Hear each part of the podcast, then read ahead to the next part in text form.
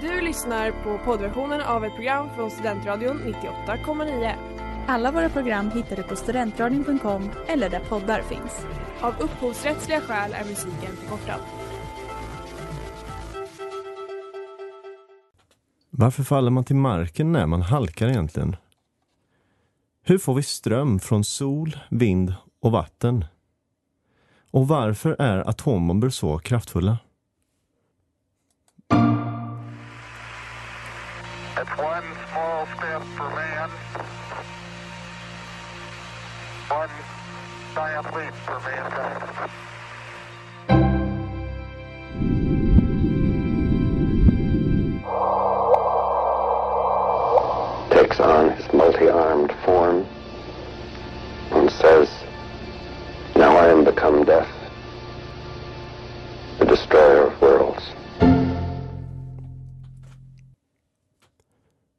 Ja, då var det dags igen. Välkomna till Studentradion 98,9. Ni lyssnar på Bland radiovågor och stjärnstoft. Med mig Magnus i studion sitter Sigge. Ja, hallå goa alla gubbar. Hallå Sigge. Och eh, även Daniel Nilsson. Tjena, tjena. Ehm, ja, vad ska vi prata om idag grabbar? Dagens avsnitt den kommer att handla om krafter. Eh, Det är något som vi kommer att prata om idag. Det finns ju jättemycket, liksom så här, ja, men, vad ska man säga, vardagliga krafter som man hör. Eh, en hel del, men vi kommer täcka det som kallas för de fyra fundamentalkrafterna i fysiken. Men jag tänker att vi ska börja faktiskt med att lyssna på eh, en intervju här med Nathalie som, som ska berätta vad kraft betyder för henne. Jag tänker på naturens krafter. Alltså vind och vatten och vulkaner och jordbävningar. Där tänker jag mycket kraft. Vind, vulkaner och jordbävningar, mycket kraft. Daniel, eh, skulle du säga att eh, från en fysikers perspektiv, vad är det man tänker på när man hör kraft? Liksom? Så här, det här är ju många naturkrafter hon nämner, liksom, som, som kanske är eh, det alstras av de, de här fysikaliska krafterna. Men vad, vad skulle du säga som fysiker? Ja, det kan ju ver- verkligen vara alla möjliga typer i alla möjliga former, men de allra första krafterna man stöter på är ju mm, i form av tryck och stöt, kanske att du har någon typ av friktion under, under ett hjul eller att du har något strävt som dras mot någonting annat strävt eller ett, eh, ett finger i pannan som du känner av och då har, vet att du har en kraft däremellan. Eller, Mm. och det är vad vi kallar för normalkraft oftast. Mm. Men det är ju inte riktigt det vi menar med naturkrafter, eller de här fundamentalkrafterna rättare sagt. Nej, just det, just det. Nej, men så mer om de här fundamentalkrafterna tar vi efter det här. She called for me with the laugh from where I couldn't discern. Det där var Supermooning med Armand Hammer och eh, Billy Wood. Ja, konceptet kraft. Vi har precis sagt att det finns eh, andra krafter än de här som folk kanske tänker på är naturens krafter, som vulkaner och vind och sol och sånt här. Eh, vilka fyra krafter finns det i naturen, Sigge? Ja, vi har ju egentligen, bryter man ner alla sådana här, de som Daniel sa, de här krafterna som man stöter på i vardagen, så kan man bryta ner dem egentligen i fyra fundamentala krafter. Och då är det dels den, den kanske den man associerar mest med kraft, det är gravitationskraften. Det är den man stöter på mycket. Sen har vi också det som kallas för elektromagnetismen.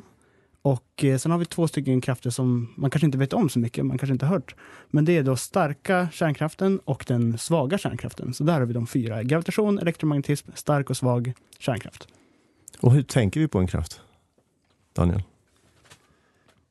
Ja, det, det, för mig har det alltid varit, eh, alltså när man börjar studera fysik så är det ju ofta i form av ryck och stöt och att det här är, kanske ryck och stöt under tid, att du har något längre drag, att någon som, du, du drar en, en bil framåt i någon rep eller att du, du, du får en, en smäll i ansiktet, men då kan det också vara, det kan ju också vara en kraft över tid då, och att du har någon, som gravitation, att du känner av någonting konstant ute i en planet som alltid känner av en annan planet till exempel. Så det kan ju verkligen komma i olika former. Du kan ha en kort kraft, du kan ha en lång kraft. Men alltid har jag, när jag först blev introducerad för det så var det alltid i de här formerna av att du, du drar eller trycker någonting åt något håll. Och sen kan du ju te sig på olika vis. och att det kanske är lite mer elegant i vissa fall och verkligen är ryck och stöt i andra fall. Mm. Ja, men eh, är det inte så att kollar man liksom verkligen grundläggande eh, på riktigt låg nivå så just krafterna, de här fyra fundamentalkrafterna, så är det egentligen också någon form av ryck och stöt fast med någonting som man kallar eh, liksom, en, en kraftbärare, en, en budbärare av kraften. Om ni som lyssnade förra veckan så pratade vi om, om fotoner och ljus. Det var ju liksom, fotonen var ju den här lilla partikeln som flyger runt och, och, och någonting. Och den här fotonen är faktiskt då elektromagnetismens kraftbärare. Så att när vi har elektromagnetiska interaktioner, vilket vi kommer att prata om, då har vi egentligen fotoner som, som kastas fram och tillbaka liksom mellan de här eh, partiklarna som interagerar med varandra. Och det är egentligen de här budbärarna, och de här kraftbärarna. Men hur, hur funkar det om du har, säg, två eh, negativt laddade partiklar? Eh, vad gör fotonen då med de här? Jag brukar tänka på det typ som att eh, om man har två personer som står på varsin båt i vattnet och så har de en medicinboll i eh, som de försöker kasta mellan varandra. Så man, man, kan tänka sig att när man kastar den här medicinbollen från ena båten till den andra båten att ah, den båten jag står på den kommer åka bakåt när jag kastar typ lite som rekylen från en eh, pistol, ett pistolskott liksom. Eller när du skjuter med ett vapen om du har gjort det. Läskigt, jag är inte beredd. till vår amerikanska publik här. ja, precis. Vi som lyssnar. Ja. Men också när du tar emot den här bollen i den andra båten så kommer du också flyga tillbaka. Det blir en lite omvänd rekyl då eller? Så då skulle Ja. den, här kulan, eller bollen vara fotonen då? I den här. Ja, precis. Så, så elektronerna då, eller skulle då motsvara de här personerna som står i båten och medicinbollen skulle vara den här fotonen då som hoppar emellan och gör att de åker längre ifrån varandra. Ja, exakt. Och det är väl mycket därför man, man, man får ju ofta höra kanske fältteorier eller elektromagnetiska fält och sånt där. Och då kan det också vara att det är de här banorna som de här, om du har en partikel i det här fältet så kan det någonstans vara eh, Säg att det, det är det här stället som den här kraften kan kännas av och där du har möjlighet att har du en partikel på ett ställe i det här fältet och en annan partikel i det andra fältet så har du möjlighet att skicka de här informationen för den här fotonen kan gå mellan de här partiklarna. Och det är egentligen det som det här fältet är då.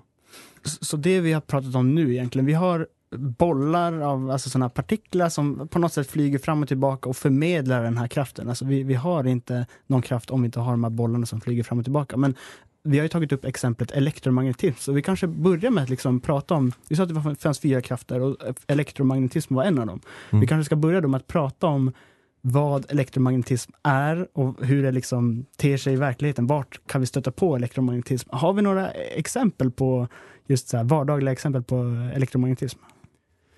Ja, eh, man kan väl börja med att säga att det är den absolut, absolut vanligaste kraften och det är någonting som egentligen styr allting som finns runt omkring oss. Alltså så här som vi upplever till vardags, förutom gravitation då som håller oss kvar här på jorden och så.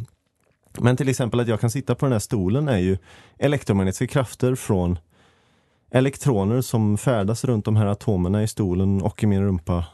Som liksom gör att de stöter ifrån varandra och däremellan då kan man tänka sig att det skjuts ut eh, miljarders miljarders fotoner liksom. Så det är ljus, mellan liksom stolen och ljus min rumpa. under dig? Ja. Ja, rakt under bara. Men man ser Precis. inte det ljuset. Varför ser man inte det ljuset? Nej, man brukar kalla det för eh, virtuella partiklar och det är ett knepigt ord egentligen. Jag, jag tror inte vi ska gå in på det, på det riktigt än Nej. kanske. Vi, Kommande avsnitt kanske? ja, Virtuella partiklar. Det låter spännande. ja. Ja, just det. Men Daniel, har vi några fler exempel på var man stöter på elektromagnetism?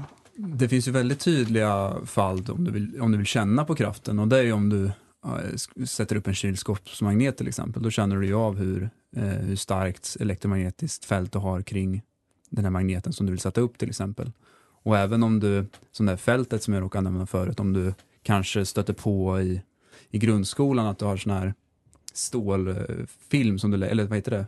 Är det så här järnpulver? eller? Järnpulver heter ja, det. Just det sån här. som, ja, man, precis. som man lägger på ett papper över en magnet och så vart det som ett fint mönster på det här pappret. ja. Och det är då, då ser du det här elektromagnetiska eh, fältet kring den här magneten. Så då är det de här fotonerna, de här budbärarna som, som skickas fram och tillbaka hela tiden. Det är de här små interaktionerna som sker. Med de här stålflisorna som du, Ja. så du skapar det här mönstret. Då. Ja, det, det låter ju helt galet. Men, också som du sa Magnus, det är också det här allt, dels interaktionen mellan när du sitter på stolen, men alla de här vad ska man säga, alla kemiska interaktioner och just hur, hur atomer interagerar med varandra på liksom keminivå. När du har eh, ätit den här eh, Subway-mackan som du tog eh, på, på tågstationen, den ska liksom smälta sönder i din mage och de interaktionerna, det ska, någon syre ska bryta ner, allt det där är liksom elektroner som på något sätt interagerar med varandra och bryter bindningar och sånt. Och i grund och botten så är det ju liksom elektromagnetism som ligger till grund för det här. Mm. Så det kanske är den vanligaste kraften som du säger, den, den mest vardagliga kraften. Ja. Ja, också liksom när man rör liksom telefonskärmen och ja, den här liksom touchfunktionen som finns på telefonskärmen. Det är också elektromagnetism som gör att vi kan liksom ja, vi klickar med vårt finger på grejer och så händer det saker och appar öppnas och Youtube-videor spelas och man kan starta bland radiovågor och stjärnor. bland radiovågor och stjärnstopp. Det bland radiovågor och stjärnor, det är vår systerpodd. eh, Ni får gå in och lyssna på den också. Ja, jag, jag har redan branchat. jag har gjort en uh, egen liten podcast. Nej men eh, Ja precis, så, så det är väldigt vanligt alla de här grejerna. Och, ja, men eh, vi kör en låt.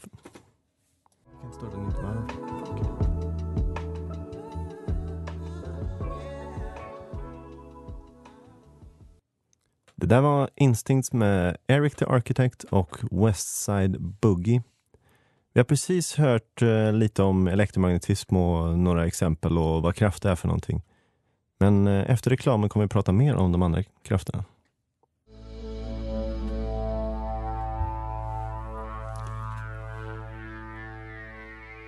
Den låten ni hörde nyss var The Hunter med Dog Smile. Ni lyssnar på Bland radiovågor och stjärnstoft i Studentradion 98,9. Vi har precis hört egentligen lite grann vad krafter är fundamentalt. Då. Eh, några krafter har vi nämnt. Och Sen har vi gått in lite grann på de här fyra fundamentalkrafterna. Vi har precis pratat om elektromagnetism. Magnus, jag vill att du berättar för oss om den starka växelverkan, den starka kärnkraften. Ja, det ska jag göra. Du sa någonting där, växelverkan. Det är synonymt med kraft, så man kan tänka att det är någonting som verkar mellan två partiklar och därför säger vi ibland växelverkan. Eh, men jag vill bara nämna en grej till om elektromagnetism och det är att när man har två elektroner till exempel då, ju längre ifrån de här två elektronerna är, desto svagare blir kraften. Så till exempel om man har två magneter också och tar nordpolerna längre och längre ifrån varandra, då känner man av dem mindre och mindre. Och när man för dem närmare och närmare så blir det liksom jobbigare att försöka trycka ihop dem och de glider isär sådär konstigt. Mm, jobbigt. Men eh, okej, vad är den starka kraften då? Jo, så vi vet ju att vi består av atomer. Det har vi Mm. lärt oss. Mhm. Och det känner de flesta igen från skolan, tror jag. Grundskolan. Ehm, och det som håller ihop, eller okej, så atomer de innehåller positivt laddade protoner i kärnan tillsammans med neutroner. Och så elektroner då som finns runt omkring den här kärnan som någon sorts skal eller något moln eller vad man vill, hur man tänker det. Och elektroner är negativt laddade, så positiva protoner attraherar negativa elektroner. Mm. Det är lite kärleksrelation där. Liksom, mellan. Ja. Man kan tänka sig typ som att eh, eller okej, nej jag tar inte det exemplet. Det är barnvänligt det här programmet. Ja, vi ska nu inte... vi ska gå vidare till den starka Ja. kraften. Men i alla fall, elektroner är väldigt, väldigt långt ifrån de här protonerna. Och så hur, hur kan de positiva protonerna liksom hålla ihop i kärnan? Och det är där den starka kraften kommer in. Och den skiljer sig från ehm, den elektromagnetiska kraften genom att den blir starkare och starkare ju längre ifrån du drar de här partiklarna. Då. För du menar att protonerna är, de är massa positivt laddade partiklar som ligger nära varandra och egentligen Exakt. då vill trycka ifrån varandra. Ja, precis. Ja. precis. Exakt så ja. Så den här starka kraften måste vara starkare än den elektromagnetiska kraften för att över, över, vilja övervinna det här trycket, alltså liksom att de ska trycka ifrån varandra. Och den blir alltså starkare ju längre ifrån man drar de här partiklarna. Och kraftbärarna i den, ska man säga, interaktionen, eller ja, de kraftbärarna kallar vi för gluoner, för det är som ett lim, på, glue, glue på engelska. Mm, play on words lite. Ja, Ja. Härligt. Med väldigt starkt lim. Ehm, ja, Så en annan medicinboll mellan båtarna här då, i den här kraften. ja, precis. Man kan nästan tänka sig som att det är som ett gummiband mellan båtarna och när de här båtarna försöker åka ifrån varandra så dras de ihop. Sen när de är riktigt långa så är gummibandet spänt och sen så dras det ihop igen. Då. Mm. kan det inte finnas något som heter det här med att om, om du, båtarna åker tillräckligt långt bort så snärtar gummibandet och så blir det två helt nya båtar också. Det, här med, eh, det är något med, med Ja, det, det, det är en häftig effekt av det här då, att det, det blir så mycket energi mellan de här. Ju längre från man drar de här, drar man från tillräckligt mycket så finns det tillräckligt med energi för att skapa två nya båtar från bara egentligen energin som finns mellan avståndet mellan de här. Men eh, ja, mer om krafter efter den här låten.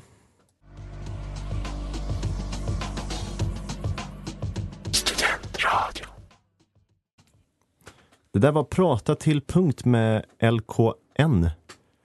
Vi har precis hört mig berätta om den starka kraften och ja, den skiljer sig lite från den elektromagnetiska kraften genom att den blir starkare ju längre från de här två grejerna är då.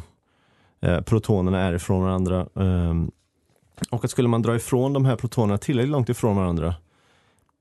Nu ljuger jag egentligen lite för det är egentligen innehållet i protonen som man drar isär. Som eh,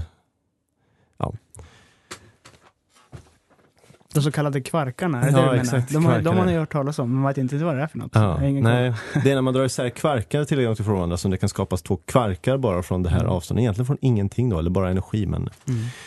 vi kan väl lyssna lite på vad folk på stan har att säga om eh, vad, vilka krafter de tror är starkast egentligen. Mm, gravitation. Ja, men jag tänker att det är det som, som är på vår planet. Alltså att eh, det är det som får allt, att vi kan gå på marken och att eh, saker är på sin plats och det faller neråt. Och... Ja, det var bara så spontant. Mm. Ja, här har vi. Vi, vi.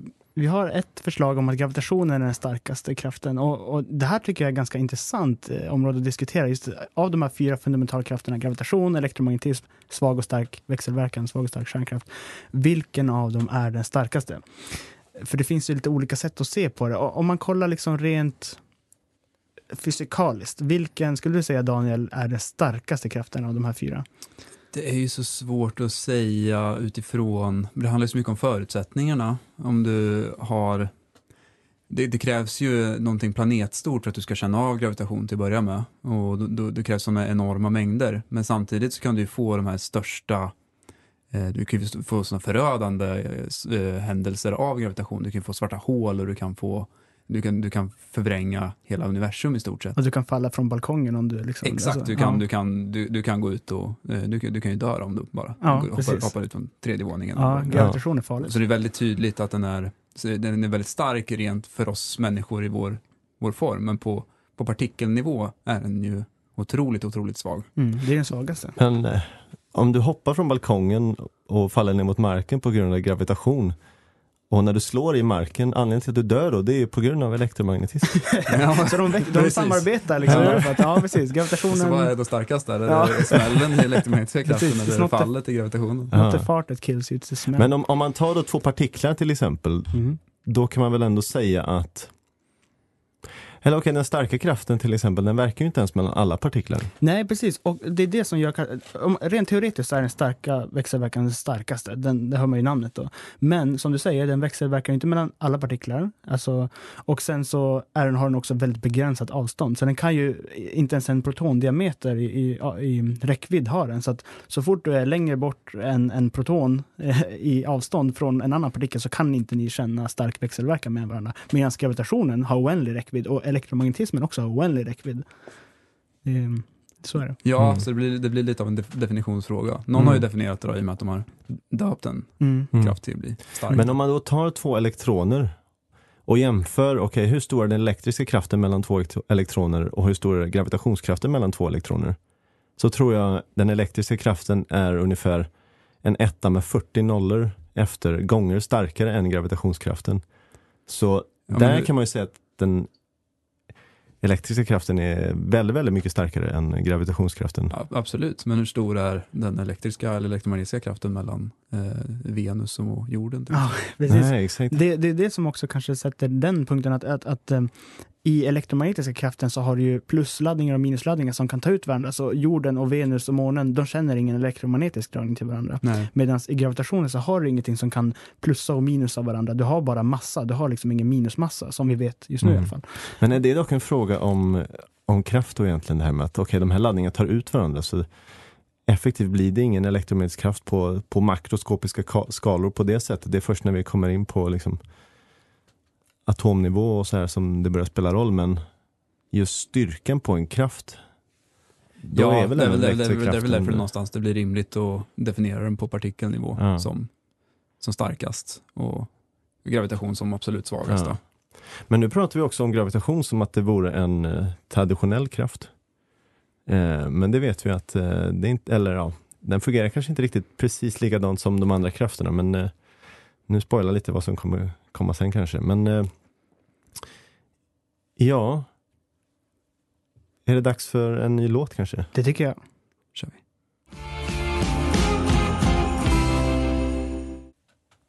Det där var I'm in love med Slaughter Beach och Dog.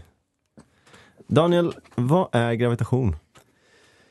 Ja, det är ju lite, en, som du sa tidigare, en väldigt speciell kraft. För det, vid första anseende så kanske den känns som den lättaste i och med att vi känner den varje dag och den, den känns ganska tydlig i och med att den får jorden att snurra runt solen och alla planetbanor och allting. Den känns ganska, ganska rak och tydlig, men den är kanske den absolut mest komplicerade kraften vi har i, eh, bland de fundamentalkrafterna.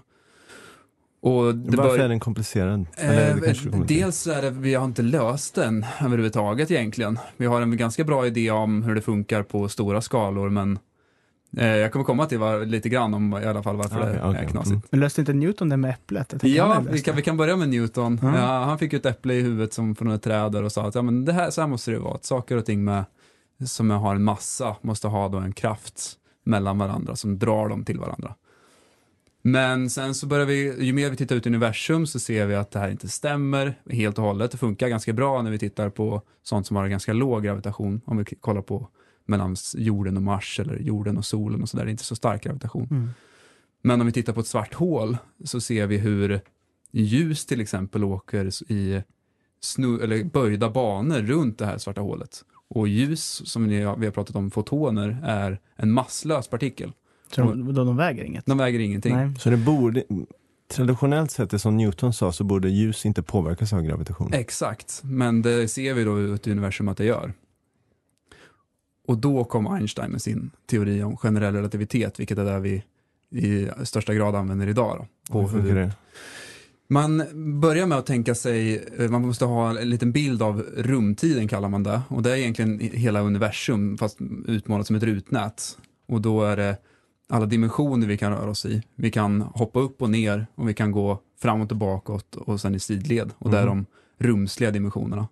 Men också om, om vi tre skulle sitta kvar här i studion i 30 år utan att äta mat så kommer ju, kommer ju alla dö och bli skelett till slut. då. Ja. Mycket Och det- död då? Ja, då hade haft en stillbildskamera som bara satt och tittade på oss här. Så är det det som är vår tidsliga dimension. Att om vi bara sitter still här i rummet så kommer ändå det saker och ting förändras med tiden. Mhm. Och Einstein kom då på att de här rumsliga dimensionerna och tidsliga dimensionerna är kopplade och kom på lite ekvationer på hur man skulle lägga ihop allting. Mm. Och det man brukar göra är att man tänker att, för att det, det går inte att rita fyra dimensioner som det blir, utan då ritar man det i två dimensioner. Och då kan man tänka sig som en studsmatta, brukar, eller jag gör i alla fall, Mhm. Mhm. som sån här som man hade på var, varannan gård på 2010-talet. Ja, de som blåser bort nu när det blåser. Ja, just det, ja, exakt. precis. Starka krafter och sånt. Ja, Ja, just, det. just det, vindarna kommer där och tar dem. ja precis. Mm. Nu är vi tillbaka på dem. Och så lägger man någonting tungt på den här studsmattan, typ en eh, bowlingklot, som kan då representera någonting ute i rymden som en sol eller en eh, planet eller någonting. Och då får du ju som en krökning i den här studsmattan. Mm, det Så- böjs neråt. Ja, den böjs Mm. neråt, Mm, liksom, blir som en, det blir som en grop i den. Och så kanske du rullar in en tennisboll i studsmattan. Så kommer den an, antingen rulla rakt på det här bowlingklotet eller åka runt i cirklar och sen åka in i den. Och det var så Einstein förklarade gravitation, att det blir hela den här studsmattan som är vår rumtid kröks i närheten av massiva objekt. Mm. Och de får, så alla banor som du kan ta ut i rymden får då en krökning på sig också. Därför då ljuspartiklar, även om de följer det här raka rutnätet från innan det fanns en sol där, så blir det här alla banor böjda efter den här studsmattan. Då. Så det finns någon form av böjd eh, rumtid som vi säger här. Och, och det känner jag mot jorden. Jag känner ju om jag, om jag står upp så känner jag en tyngd. Liksom. Men, men eh, mellan dig och mig eller, eller mig och det här bordet, är det någon gravitation där mellan också? Det är en gravitation här också och det, det finns en gravitation mellan alla massiva objekt. Och så, på så vis, eh, där kan du fortfarande använda Newtons teorier. Så alla, alla människor är attraherade av alla andra människor med, tack vare gravitation. Och alla människor är också attraherade av alla objekt och alla objekt är attraherade av varandra. Mm. Det är, ganska, det är ganska fint ändå tycker ja. Mm. Verkligen. Alla är attraherade av alla. jag. Ja, Så är det. man har inget val. Ja. Vi tar en låt.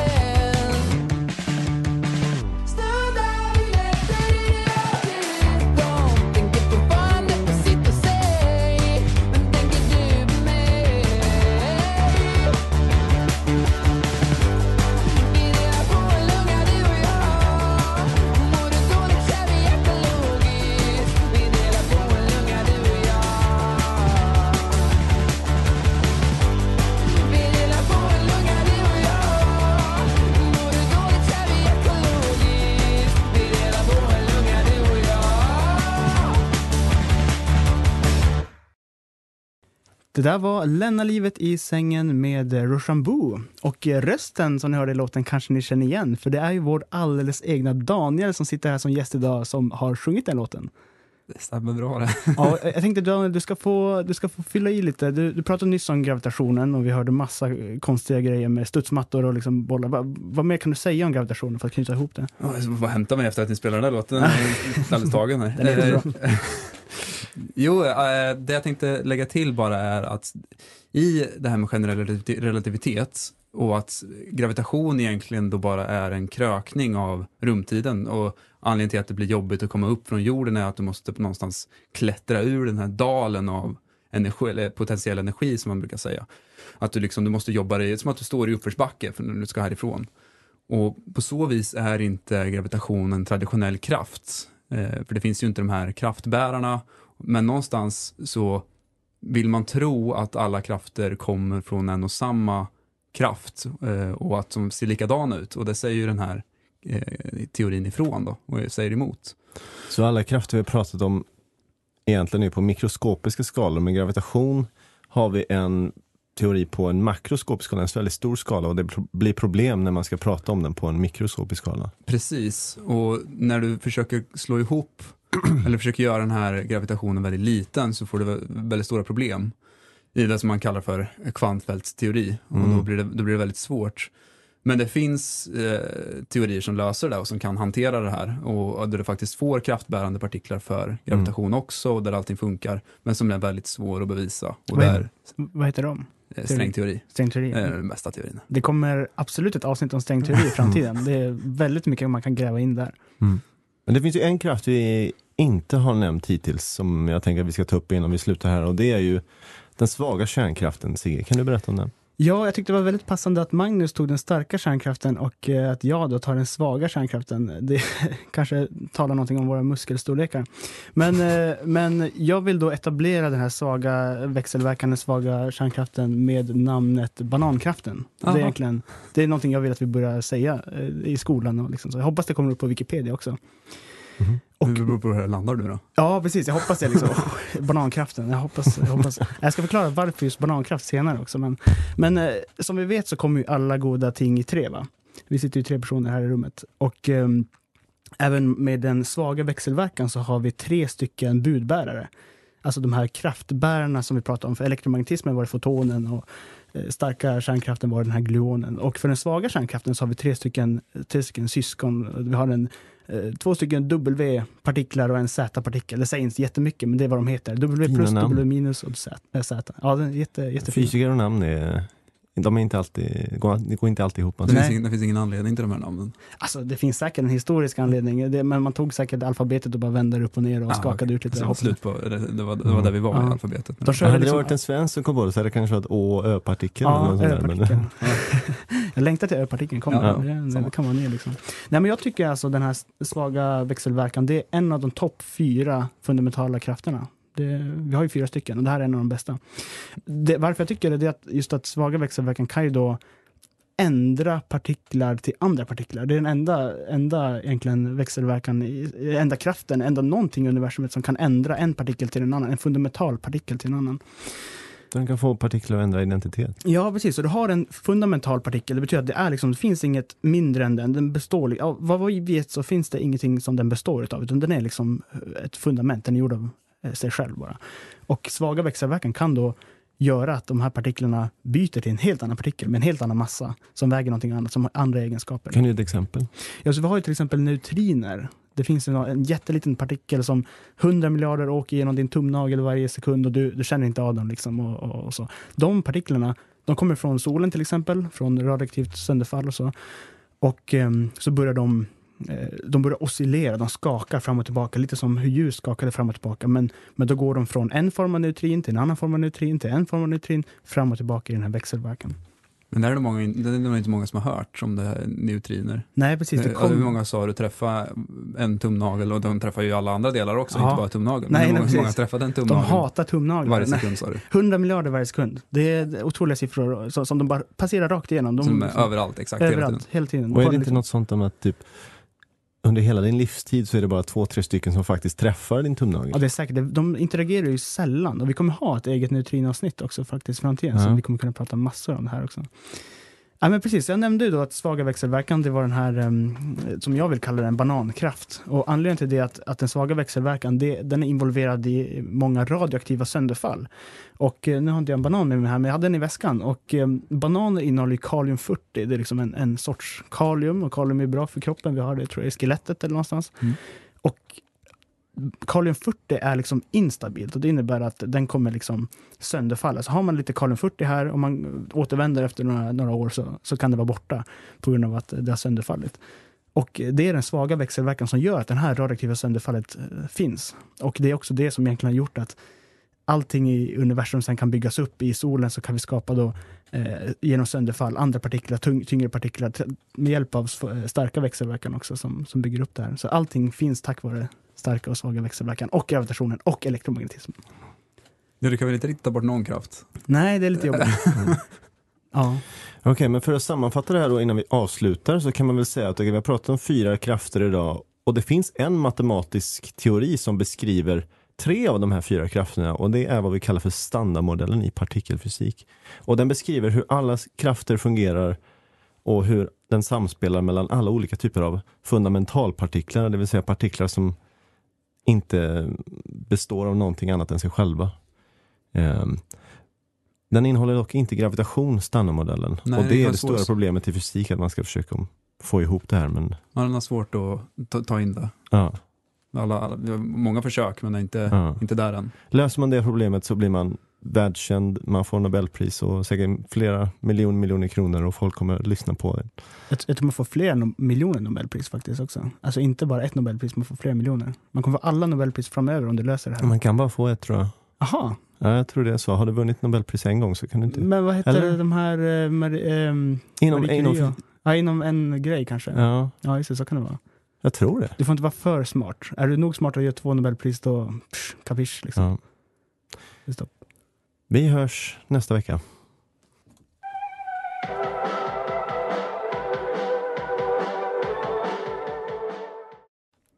Som vanligt så avbryter vi låten för ett litet skämt. Ja, jag var eh, faktiskt på riktigt häromveckan eh, i, eh, på ett ställe som heter Lövsta bruk utanför Uppsala. Och, eh, de, eh, de håller på med lite så här, forskning på, på djur och de har grisar och kor och kycklingar och sånt. Och eh, då frågade jag liksom, hur kommer det sig att de här grisarna är så himla starka? Och eh, det var ju då för att de matar dem med eh, kraftfoder. Du har lyssnat på poddversion av ett program från Studentradion 98,9. Alla våra program hittar du på studentradion.com eller där poddar finns. Och kom ihåg, att lyssna fritt är stort, att lyssna rätt är större.